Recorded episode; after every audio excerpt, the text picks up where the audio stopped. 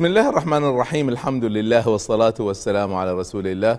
أحييكم وأرحب بكم مرة أخرى مع الإسلام ببساطة. نحاول من خلاله أن نتعرف على الدين العظيم لكن بنظرة شاملة وليس بنظرة جزئية إلى هذا يجوز وهذا لا يجوز وهذا الحكم وهذا آه، حلال وهذا مكروه. لا نريد أن ننظر النظرة الشاملة. والنظرة الشاملة عملناها بالطريقة الأولى وهي النظرة إلى الإسلام من خلال أهداف الإسلام أهداف الإيمان وأهداف الأخلاق وأهداف مقاصد الشريعة والشريعة. آه، اليوم إحنا في سلسلة أخرى تابعة للإسلام ببساطة وهي النظرة للإسلام من خلال القرآن. وسميتها موضوع القرآن وأبوابه وفصوله.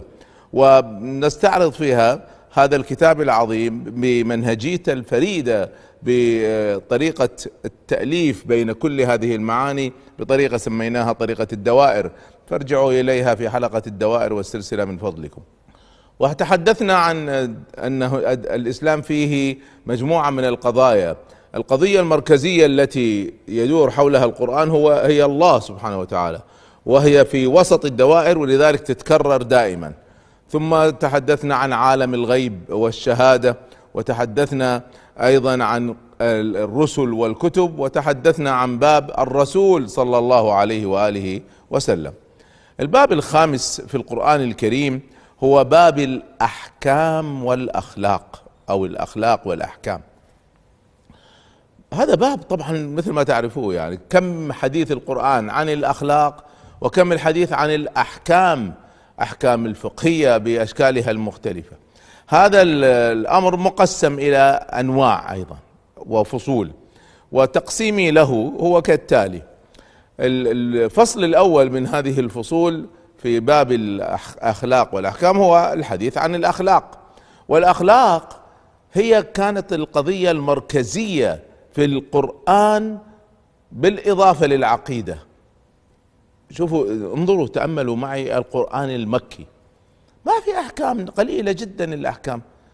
كل الحديث عن ماذا؟ 13 سنة الحديث عن ماذا؟ عن عقيدة وأخلاق. هذه الأخلاق التي اتفق عليها البشر والصدق والأمانة والتواضع ورفض الباطل ورفض الغرور ورعاية المحتاج واليتيم والمسكين وأمثال هذه المعاني. هذه أمور كانت موجودة عند بعض الناس موجودة بأشكال بسيطة جاء الإسلام وعمقها. فالإسلام في موضوع الأخلاق كان دقيق جدا. اولا أنه توسع بها جدا. شيء ثاني أنه أصلها يعني افقيا وعموديا افق يعني عمق وانتشار. فغطى كل مساحات الأخلاق الرئيسية وغطاها بأعماق لم تغطى من قبل. وهذه المسألة مسألة الأخلاق موجودة في كل الأديان موجودة في كل المذاهب لكن مرة أخرى كم تغطي منها وكم عمقك من وراها؟ هذه المسألة من حجمها الضخم صارت موسوعات. يعني تجد مثلا موسوعة الأخلاق في القرآن. موسوعة كاملة فقط عن الأخلاق في القرآن.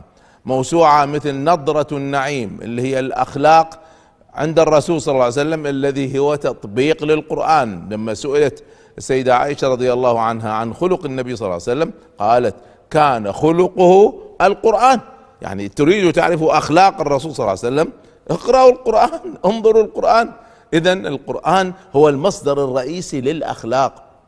فحتى سلسلة نظرة النعيم التي هي أخلاق الرسول صلى الله عليه وسلم ومسكت جميع الأخلاق على الترتيب الأبجدي فإحسان ولا آه، بر والدين ولا صلة الرحم حسب التسلسل الحروف الأبجدية.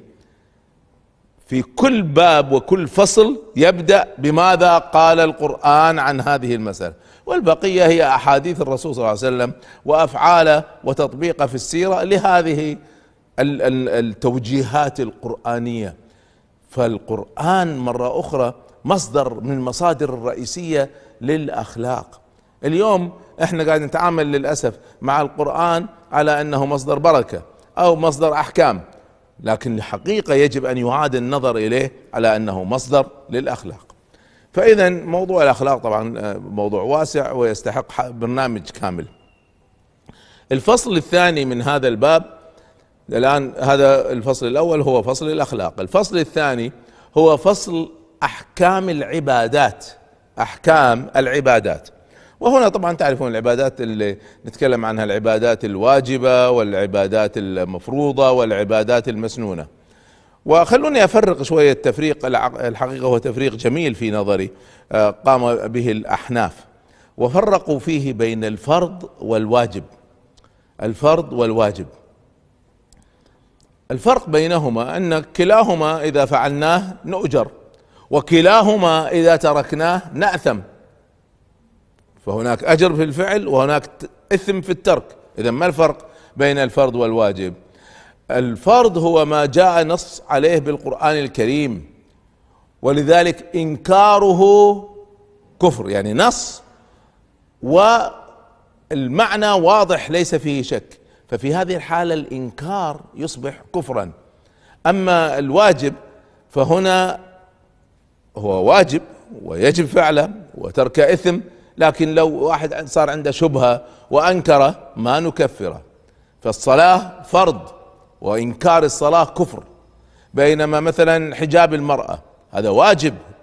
ويجب أن المرأة المسلمة إذا كانت تؤمن بالله أن تلبس الحجاب وتأثم لو تركته هذا ثابت. لكن لو صار في شبهة وجاء أحد أنكر هذه المسألة نصححها بس ما نكفره لأنه واجب وليس بفرض. فمصدر الفروض اللي هي القضية الأخطر هي هو القرآن الكريم. فالقرآن الكريم أعطانا أصول العبادات أعطانا أحكام العبادات. فالأحكام الرئيسية لكل ما يتعلق بالصلاة والصيام والزكاة والحج والقرآن وذكر الله عز وجل الله سبحانه وتعالى أعطانا التوجيهات الرئيسية فيها. طبعا طبعا ما يمكن الاستغناء عن السنة. ولن نستطيع أن نصلي بدون السنة. كيف؟ ما لا لا لا أعرف عدد الركعات في كل في كل صلاة لن أعرف التشهد اذا ما في غنى عن السنة ولذلك الذين يحاولوا أن يلعبوا هذا اللعب يستغنوا عن السنة هذا بالنسبة لي لعب. ففي فصل كامل هو العبادات وأحكام العبادات. الفصل الثالث هو فصل متعلق بأحكام المعاملات. والتفريق بين العبادات والمعاملات. أنكره بعض العلماء قالوا لا كلها عبادات. هي نعم عبادات من باب أن الإنسان لما يمتنع عن الربا يأخذ اجرا. الإنسان عندما يبيع وفق الشرع يأخذ الأجر هذا صحيح. فكل المعاملات فيها جانب تعبدي. لكن التفريق أيضا صحيح أن العبادات لها منهجية والمعاملات لها منهجية. منهجية المعاملات. اولا طبعا المعاملات هنا نتكلم عن البيوع وقضايا الزواج والطلاق كل معاملات الاجتماعية والاقتصادية والسياسية والقضائية. أما العبادات فهنا نتكلم عن الشعائر الصلاة والصيام والزكاة والحج والذكر والقرآن. فاذا التفريق واضح والتفريق له أهمية خاصة في مسألة مهمة وهي أن في قضية العبادات نحن ما لنا خيار. نعبد الله تعالى كما يريد هو سبحانه لا كما نريد نحن. نحن يعني لو جاء شخص وصلى المغرب سبع ركعات لا شك أنه صلى زيادة ركعات وسجود وركوع وذكر وتسبيح. لكن هل يؤجر؟ كلا. ليش ما يؤجر؟ بل يأثم. لماذا؟ لماذا يأثم مع أنه عمل آه، حسنات زيادة كما يقولون؟ لا. هو يأثم لأنه هو الذي قرر كيف يعبد الله. وجعل نفسه إلها. هو الذي قرر كيف يعبد الإله. بينما الله سبحانه وتعالى يعبد كما يريد هو لا كما نريد نحن. ففي قضايا العبادات ما في اجتهاد. يجب أن نعبد الله تعالى كما يريد. لكن لما نأتي للمعاملات يجب أن ننظر لمصالح العباد. ويقول الإمام العظيم ابن القيم رحمه الله تعالى في قضايا المعاملات حيثما كانت مصلحة العباد فهناك شرع الله. يعني إذا أي حكم يضيق على الناس أي حكم فيه يسبب مشكلة للناس هذا سوء فهم منا إحنا. الله سبحانه وتعالى ما يريد لنا الحرج ما جعل عليكم في الدين من حرج. وبالتالي لازم أن نعيد النظر ونعدل الأحكام بمصالح العباد بدون ما نخل بالنصوص الأصلية. والفصل الأخير في هذا الباب هو أن كل هذه الأمور الأخلاق والعبادات والمعاملات كلها مربوطة بالعقيدة. فالفصل الرابع هو الربط بالعقيدة. لماذا نصدق؟ بالإضافة لأنه خلق حسن نحن نؤجر من وراء هذه المسألة. والعبادات طبعا واضح جدا الربط بالعقيدة. لا خلينا ناخذ المعاملات. يعني من المعاملات قضية الطلاق.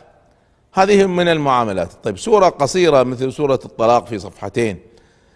هذه السورة يذكر فيها التقوى أربع مرات. وهي كلها أحكام تتكلم عن الطلاق. لماذا؟ لأن هنا الطلاق معناه في مشكلة. وهذه قد يكون تؤدي إلى كراهية وقد تؤدي الكراهية إلى ظلم وهذا للأسف حال معظم الناس.